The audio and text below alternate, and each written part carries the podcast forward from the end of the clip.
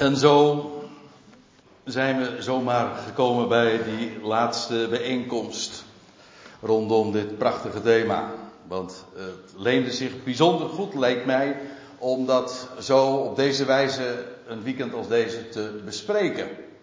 Samen met Christus. En vrijdag hadden we de eerste bijeenkomst. Ja, en toen hebben we een bodempje zeg maar gelegd en zijn we zo diverse schriftplaatsen langs gegaan. En ja, zo bouw je dat dan op. En zo wordt het ook steeds duidelijker hoe een centraal thema dit is in de brieven zoals Paulus die heeft mogen optekenen en die ook speciaal voor ons, de natieën zijn. En hoe goed is het om daar ook een oor voor gekregen te hebben. En als dat geopend is en als dat dan landt. En ik begrijp heel goed, we zijn hier natuurlijk allemaal heel verschillend. Ik bedoel, wat vormen wij organisatorisch? Eh, helemaal niks. Uh, ja, wat bindt ons? Ja, gewoon, uh, het woord dat brengt ons bij elkaar. Maar fris je niet, en daar bent u of ben jij wellicht ook achter gekomen, hoe verschillend eigenlijk we ook zijn in achtergrond. En de een heeft uh, helemaal geen kerkelijke achtergrond. De een is rooms-katholiek en de ander protestants en dan nog weer voor allerlei snit. Van alles. En ja, waarbij dan de verschillende mensen ook nog weer allerlei uh, eigen verhalen hebben hoe je daarmee groot geworden bent. Maar het heeft ook te maken met uh, het enorme verschil in, in besef en ook met wetenschap en kennis van ja, wat, wat staat er nou eigenlijk? Ja, de Bijbel, ja, maar goed, dat is zo'n hele, zoals ik al zei, bibliotheek. En wat weet je daarvan? En dat, ik zal u vertellen, maar dat is dan mijn probleem als spreker. Probleem tussen aanhalingstekens, maar in ieder geval, daar loop je tegenaan. Van, ja, wat moet je als bekend veronderstellen? Kijk, bij schoolklas is het heel simpel. Dan begin je gewoon bij klas 1 of bij groep 1. En dan zeg je, nou, dat weten ze of dat weten ze nog niet. En, zo bouw je dat dan op. Maar zo, in zo'n gezelschap werkt het heel anders. Mensen die van toeten op blazen weten en die komen zomaar hier binnen. Of zomaar, of via welke weg dan ook. En dan is het lastig uh, om hen uh, te bereiken. En, maar ook degenen die al heel erg, als ik het zo mag zeggen, door de wol geverfd zijn. En die al jarenlang intensief bezig zijn met de schriften. Ja, en toch vorm je een eenheid, want je hebt, je hebt dezelfde oriëntatie. En ik, ik moet zeggen, ik vind het altijd, weer een, een, een belevenis om dat van zoveel kanten te horen. Hoe geestelijke eenheid een enorme band creëert. Is niet iets van mensen, maar het is het, hetzelfde woord wat je lief hebt, dezelfde hoop die je hebt, dezelfde God die je mag kennen. En ja, dat is die eenheid. En dan, ja, dan valt er geen wanklank en dan is dat gewoon eenheid. En ja, dat is wat geen mens kan maken of kan namaken. En dat zijn geweldige dingen. Ondanks, of misschien zelfs wel dankzij die, eh, of in ieder geval, dat maakt het des te mooier, de diversiteit. In tal van opzichten. Wat we hebben gezien tot dusver is die, die rode draad die door de brieven loopt, namelijk dat wij als gelovigen in elk geval één gemaakt zijn met Christus.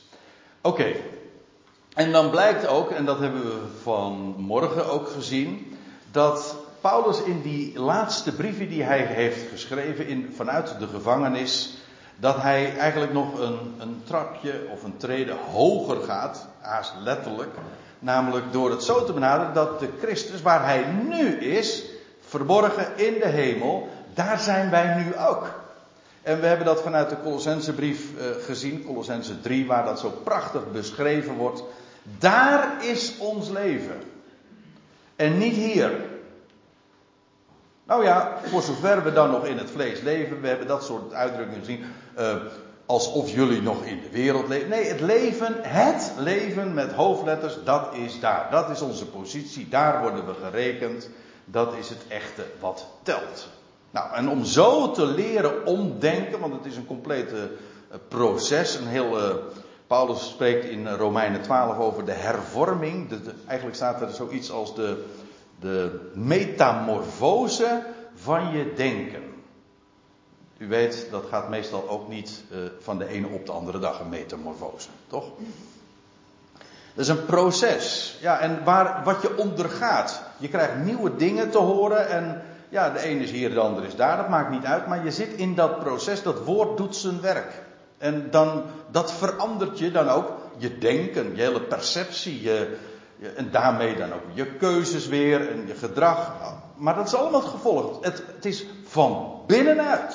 En dat vind ik prachtig zoals dat dan werkt. Vanmiddag neem ik u mee naar Efeze 2, waar Paulus ook uh, op die grote hoogten treedt. Lees maar met mij mee. Ik begin te lezen vanaf vers 4. En uh, door de eerste vers ga ik een beetje snel heen, omdat het slechts eigenlijk een aanloop is om uh, wat hij dan in de navolgende versen zegt. Maar God, rijk zijnde in ontferming. Daar heeft hij niet een beetje van, daar heeft hij overvloed aan. En die ontferming, daarin blijkt ook zijn grote liefde. Zijn wereldomvattende liefde. Een liefde die inderdaad grenzeloos is, waar ook niemand buiten kan vallen. Steeg ik ten hemel, dat is de psalmist dan. Uh, u bent daar en al al maakte ik het dodenrijk tot mijn sponde, staat er dan. Uh, u bent daar en dan ging ik wonen aan het uiterste van de zee. Van God kom je nooit af. In Hem leven wij, bewegen wij en zijn wij. Aanademen wij. En alles wat ik heb en alles wat ik ben, dat heb ik en ben ik door Hem. En vanwege Hem. En Hij omvat zo heel zijn schepping. Ook in zijn liefde. Waarmee hij ons, staat hier dan ook, lief heeft. Uh, ook dat is weer zo'n tijdloos feit, zo'n aorist. Dat heeft geen horizon, want dat is wat aorist eigenlijk letterlijk ook betekent. Maar ons, uh, ook, ook ons, en dan gaat het uh, ons als gelovigen in elk geval ook, doden zijnde voor de misstappen. Aha, maar nou hebben we hem weer die begrijpen we inmiddels wel. Hè? Uh, na, al die, uh, na al die schriftplaatsen en al die studies die we inmiddels al uh, hebben gehouden. Namelijk dat wij verbonden zijn met Christus. En dus zijn wij, als het gaat om de misstappen en de zonde enzovoort. Dat ligt achter ons en dat is over en uit. En daar hebben we het ook niet meer over. Dat kunnen wij dus ook ons. Dat weten we. God rekent daar niet meer mee. En waar het nou maar om gaat is dat wij dat leren. En dan ook zo gaan rekenen en dat gaan beseffen. Hij, eh, doden zijn voor de misstappen, maakte, maakte hij ons levend. En ik heb het hier in de verleden tijd. Maar ik zou, het is eigenlijk een tijdloos feit. Ook, ook dit is weer zo'n zo'n aorist. Hij maakt ons levend. Straks lichamelijk ook. Dat wacht nog even. Maar zo rekent hij ons al. Hij met Christus. Hij maakt ons levend met Christus. Samen met Christus heb je het weer. Samen met de Christus. Dat thema wat we dit weekend hebben besproken, komt maar niet zomaar uit de lucht vallen. Daar had ik uh, maar niet één tekst voor. Een hele serie van schriftplaatsen waar dat zo door Paulus geformuleerd wordt. Samen met Christus, in die zin dan ook met, met hem verbonden en één gemaakt in zijn dood. En hier ook in zijn opstanding, in zijn levendmaking maakte hij ons levend samen met de Christus. Dat wil zeggen, hij maakte de Christus levend en daarmee dus ook ons. En Paulus zegt er dan al, al tussen haakjes bij, in genade zijn jullie geredden. In genade betekent gewoon om niet, zonder dat er een prijskaartje aan hangt, dat is dus echt volkomen om niet. En dat jullie geredden zijn, ja, dat is omdat hij dat geeft. Hij gaat dat straks ook nog uh, uitleggen. Maar dit is al, hij geeft hier al even uh, tussen haakjes de aanzet. En staat er, hij gaat nu nog verder, verder en hoger. En hij wekte ons samen op. En, let op, en deed ons samen zitten. Of hij doet ons samen zitten. Ook weer, weer die tijdloze vorm. Hij deed, hij of doet ons samen zitten te midden van de hemelsen in Christus Jezus. En de gedachte is hier ook weer in wezen heel simpel. En als je, eenmaal, als je de lijn eenmaal pakt, dan kun je hem en, en te pakken hebt, dan begrijp je eigenlijk ook het hele verhaal. Als je eenmaal begrijpt dat je met hem verbonden bent en met hem gekruisigd bent, dan begrijp je de rest ook. Want dan ben je namelijk, je bent één plant met hem geworden. Vergroeid met hem, één gerekend met hem. Dus als hij werd opgewekt, dan werd ik ook opgewekt. En hij zit nu daar, te midden van de hemelsen, of uh, in de MBG-vertaling, en de meeste andere vertalingen, in de hemelse gewesten. Uh, de gedachte is dan, uh, zoals de vertaling luidt van de MBG, in de hemelse regionen. Eigenlijk staat er gewoon te midden van de hemelsen, en dan hemelsen kan betekenen hemelse personen. Of hemels, dus dan zijn het de hemelingen. Of hemelse plaatsen, zoals de MBG dat dan opvat met gewesten, regionen, gebieden. Uh, te midden, en vandaar ook te midden van de hemelsen laat ik dat eigenlijk uh, onbeslist. Uh, dan kan je beide opvatten en daarom denk ik dat het de beste weergave is. In het Grieks kun je dat ook niet zien. Het is gewoon te midden van de hemelsen. Plaatsen of personen of wezens, wie dat dan ook te zijn. Christus is daar. Zelfs aan de top. Ik bedoel, hij is gezeten te midden van de hemelsen en dan staat er gezeten boven alle overheid en macht. Uh, dat is dan het einde van Efeze 1. En ja, hij heeft daar.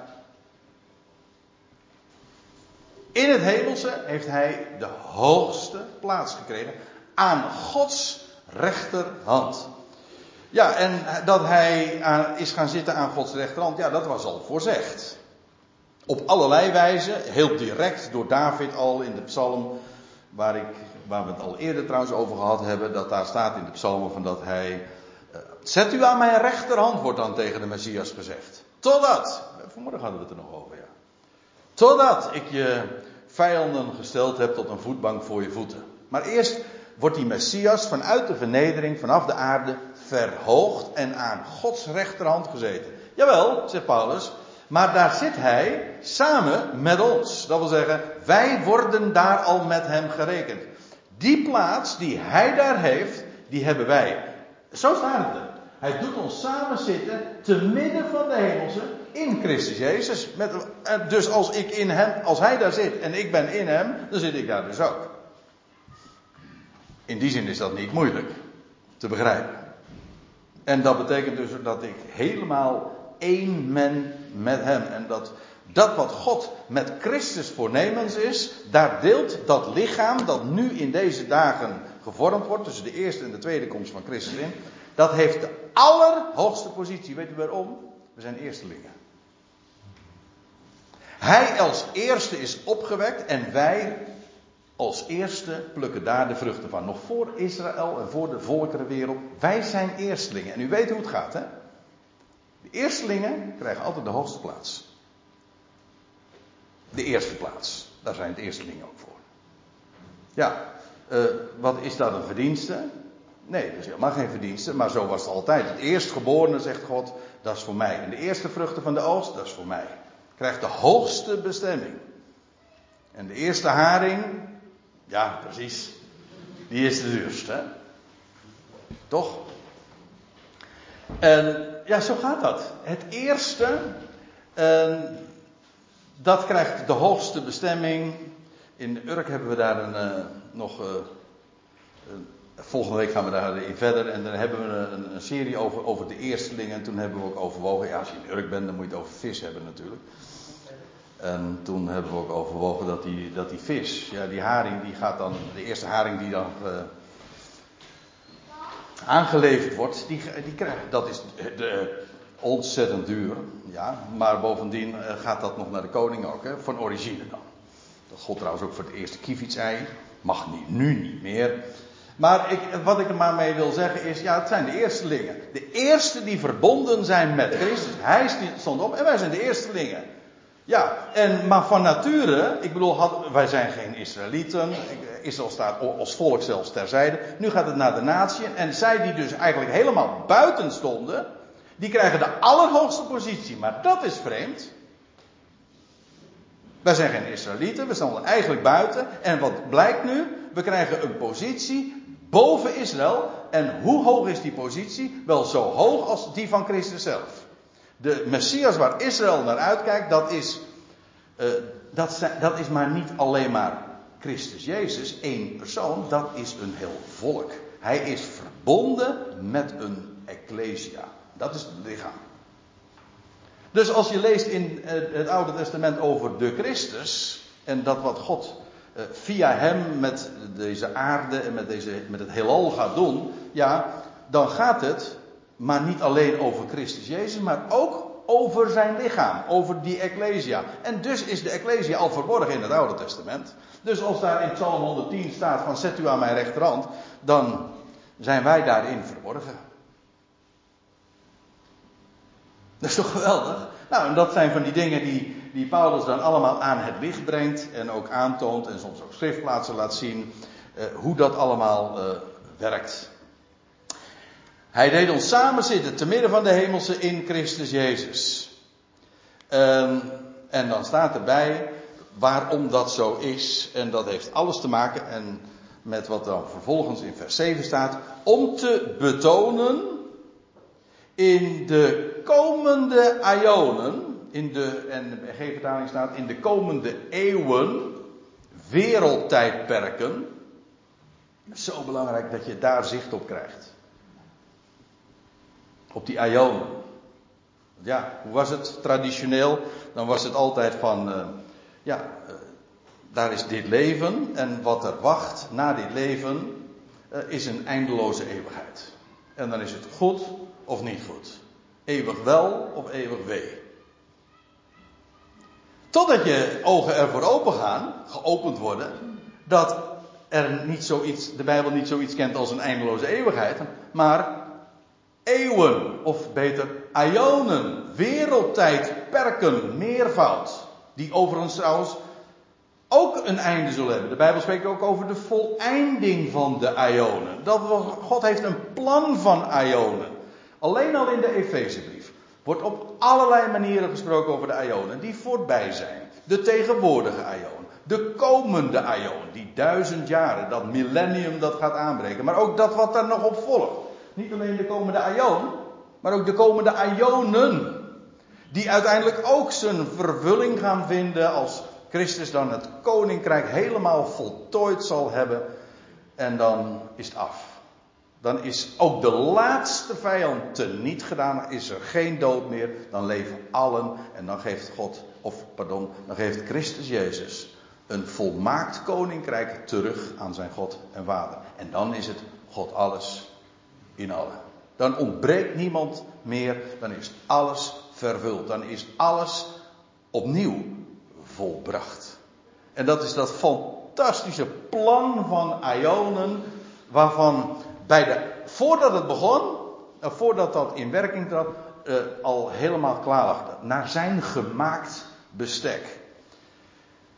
En weet je wat ik uh, hierin zo geweldig vind?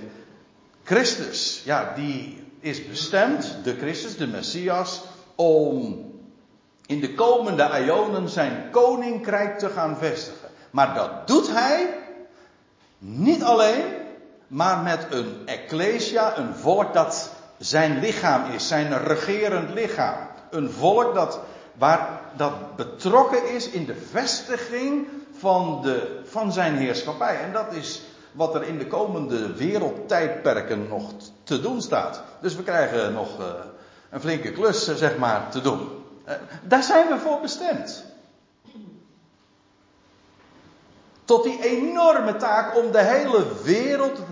Er staat in, in Efeze 1, vers 10, dat God in de volheid van de tijden, als alle tijden zijn vervulling zullen vinden, dat Hij het al, hemel en aarde, onder één hoofd zal samenvatten. En dan staat er in wie wij ook het erfdeel, het lotsdeel hebben ontvangen. Dat is ook ons lot. Wij zijn verbonden met dat hoofd en, en alles wordt aan onze voeten. Ja, ik, ik aarzel zelfs om het zo te zeggen, maar het is wel zo. Aan onze voeten onderworpen. Namelijk aan die van Christus. Hoofd en lichaam. Als je niet geloven wil, ik zie sommige mensen nu ongelooflijk kijken. Hm? Kijk maar eens na in het einde van Efeze 1. Dat gaan we nu niet doen. Maar kijk het maar, staat het echt. En er staat trouwens ook bij dat het voorzegd was in Psalm 8. Daar staat het al verborgen. Nou. U ziet, er is, dat, is, dat is een totaal ander verhaal dan van een, een eindeloze eeuwigheid. Nee, dat kun je gerust schrappen. Er zijn nog wereldtijdperken te gaan. En, en God gaat in rangorde zo de, de mensheid daarin betrekken en, en redden ook. Die Ionische heerlijkheid. Dus even wennen aan het woord, maar als je het eenmaal, uh, als je het eenmaal begrijpt, dan, ja, dan val je daar niet meer over. Maar dat is die eeuwige heerlijkheid. Die heerlijkheid die verband houdt met de eeuwen. Wel, die heerlijkheid die is voor ons vandaag ja, weggelegd. Daarin zullen wij delen. En dan staat er om te betonen in de komende ionen de overtreffende rijkdom van zijn genade. Dus die is altijd groter dan wat eh, het ook zou kunnen, eh, waar het zich ook mee zou, wat er zich ook mee zou willen meten. Die rijkdom van zijn genade overtreft per definitie en altijd. En iedereen. En er staat erbij in goedgunstigheid over ons in Christus Jezus. Want staat er dan bij in vers 8. In, in feite staat het er nu weer, want in vers 6 stond het in het slot ook al tussen haakjes min of meer zo. En nu staat er, want in genade zijn jullie geredden. Genade dus, dat is om niets. Niet zozeer door genade, maar in genade. Dat is de sfeer waar wij in uh, zijn gered. In genade zijn jullie gered. Uh, ja, ik, ik heb het er hier ook even als aantekening bij staan. Maar bedenk het goed. Wij, die voor het meerdeel niet eens tot Israël behoren, gewoon uit de natieën Gaius, ja, Goy, ja, die dus totaal geen aanspraak konden maken. En wij, uitgerekend, krijgen de hoogste taak daarin. Dat valt je, dat valt je dan ten deel. Deel uit te mogen maken van de eersteling. En er staat erbij, in genade zijn jullie gered. En als het nog niet duidelijk was, door geloof. En dat niet uit jullie zelf. En dat niet uit jullie zelf, dat slaat op de hele zin daarvoor. Niet alleen op dat gered, maar ook op geloof.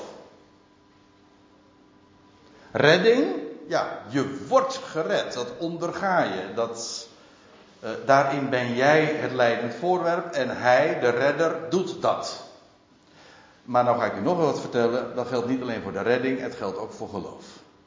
Door, want in genade zijn jullie geredden door geloof en dat niet uit jullie zelf. Gods naderingsgeschenk is het. Gods gave staat er in de NBG-vertaling. Uh, of eh, andere vertalingen zeggen op een andere plaats, er staat hier een speciaal Grieks woord, een offergave, maar dat is een naderingsgeschenk. Kijk, het idee is, geloof is de wijze waarop God tot ons komt. Hoe, hoe kunnen wij contact hebben met God? Wel, doordat wij Hem ook ja, hoe is dat met communicatie? Hè? It takes two to tango, zeggen ze dan.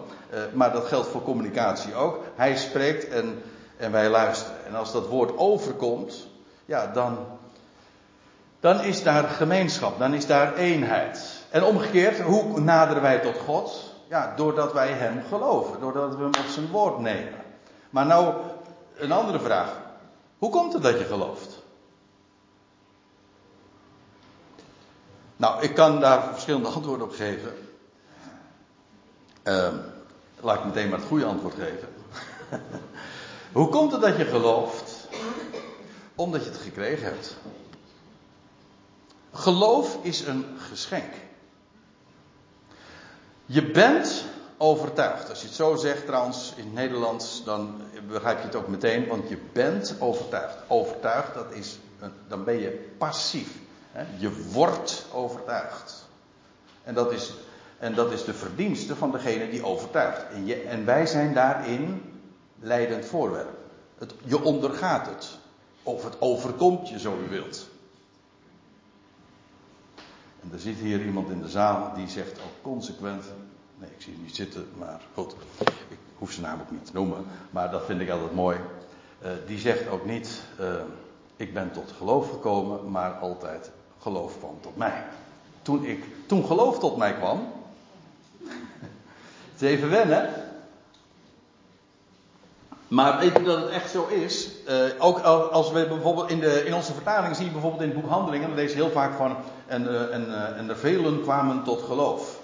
Ja, dat is de wijze waarop wij het weergeven. Maar het idee is dan van je hebt hier geloof en er komen mensen tot geloof.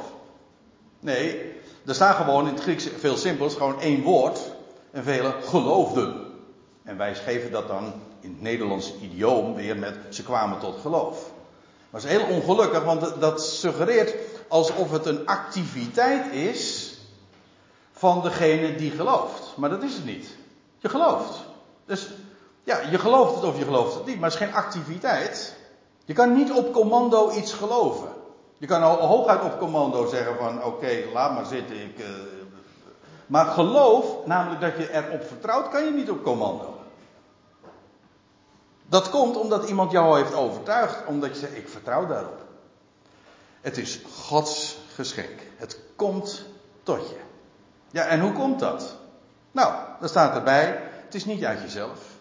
Dat komt doordat God jouw ogen daarvoor opent. Wat voor velen trouwens een doembeeld is, want die zeggen, oh, u weet het, eh, de Dordtse leerregels, eh, we hebben het van de week eh, of het weekend nog over gehad, in verschillende samenhang. De Dordtse leerregels die zijn, waren vorig jaar vier eeuwen oud. Hè? En in die Dordtse leerregels wordt naar voren gebracht dat ja, God sommigen geloof geeft. Punt. Dat, het, het klopt, God geeft sommigen geloof. Ik bedoel, de meeste mensen die geloven niet. Nou, de meesten hebben het sowieso nooit gehoord. Maar ook eh, als het woord dan komt, ja, dan geloof, ja, geloof het niet. Maar weet je wat nou zo geweldig is? Ja, dat is eigenlijk de basis ook van het evangelie. God is de redder van alle mensen. En dat betekent, hij redt. En hoe doet hij dat? Hij brengt, je tot de bestemming. Hij geeft je leven. Hij maakt, hij maakt van vijanden of mensen die vervreemd zijn, die verzoent hij.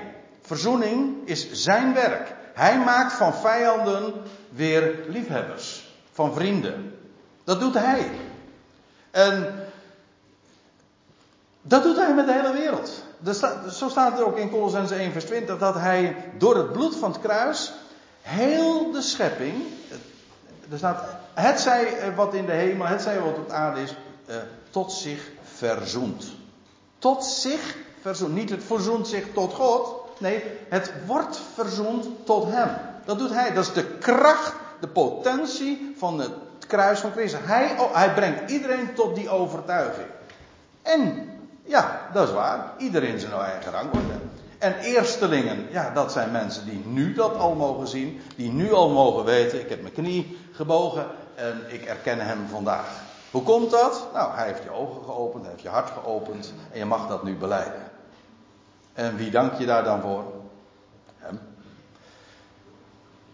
En ik dank hem ervoor dat hij iedereen tot die erkenning brengt. Dat iedereen met zijn hart en uh, met zijn tong, niet zijn lippen, maar zijn tong van binnen, zal beleiden: Jezus is Heer, tot eer van God de Vader. In de hemel en op de aarde en onder de aarde, iedereen komt die, tot die hartelijke erkenning. Ja, en dan is die redding dus compleet. En dan heeft iedereen dat geschenk ontvangen. Zie je, God werkt in fases, niet allemaal tegelijk. En daarom is het zo'n enorm groot voorrecht als nu al je ogen daarvoor zijn geopend. Maar het is een geschenk. Het is niet uit jullie zelf. Denk, kijk, weet je wat eh, daaraan zo belangrijk ook is in de praktijk? Je hoeft helemaal niet dit te doen. Of uh, je te verheffen boven een ander, want het is genade als het mag zien. En dank God op je blote knietjes.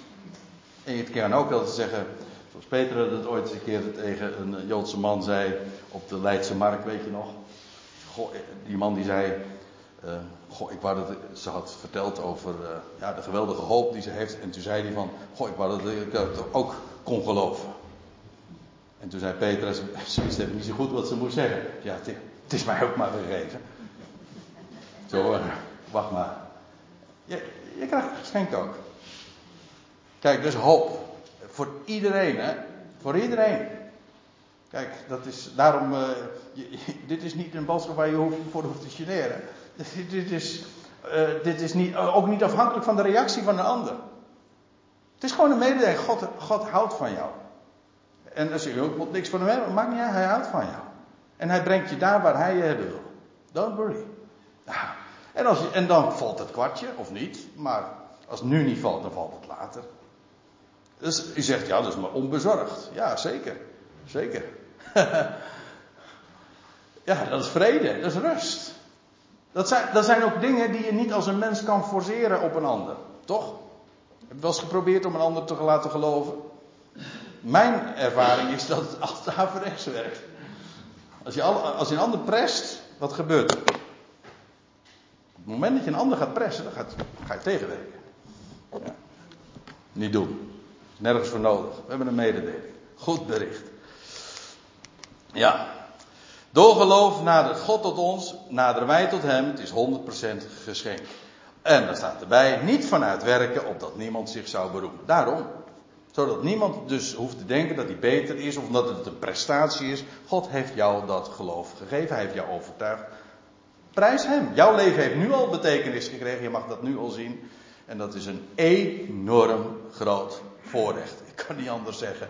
En uh, ik weet dat er heel veel mensen hier zijn die dat duizendkoppig beamen. Ik zeg van goh, ik sprak nog, net nog een vrouw. En die zei dat tegen mij. En ze zei, ja, dat is een hele oude. zeggen, dit is het grote geluk in mijn leven. Dat ik dit mag kennen. Dat ik mag weten. Hij is mijn God en zijn woord is waar. Daar kan ik op staan. Ja, dat is het verschil. Want, staat er dan in vers 10, tenslotte. Want wij zijn zijn maaksel. Zijn creatie. Er staat hier trouwens een woord dat, zoiets, dat ook nog met poëzie te maken Met poema.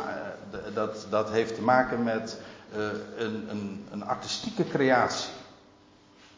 Wij zijn zijn maaksel, geformeerd door hem. Hij maakt ons. We zijn maaksel van hem, die geschapen worden in Christus Jezus. En dan staat met het oog op goede werken. En dan zeg oh, toch goede werk. Ja, lees even door. Die de God van tevoren gereed maakt. Ja, opdat we daarin zouden wandelen. Met andere woorden, ook die goede werken. Eh, dat is Gods prestatie. Als je wat mag betekenen voor anderen. Als je wat mag doorgeven. Als je mag getuigen van Hem. Als je gewoon, wat dat dan ook is. Als je Hem mag danken in woord, in werk, in je leven. En inderdaad liefde aan een ander mag betonen. Is dat een prestatie? Nee. Dat heeft Hij gewoon in jouw hart gewerkt. Hij werkt het willen en het werken.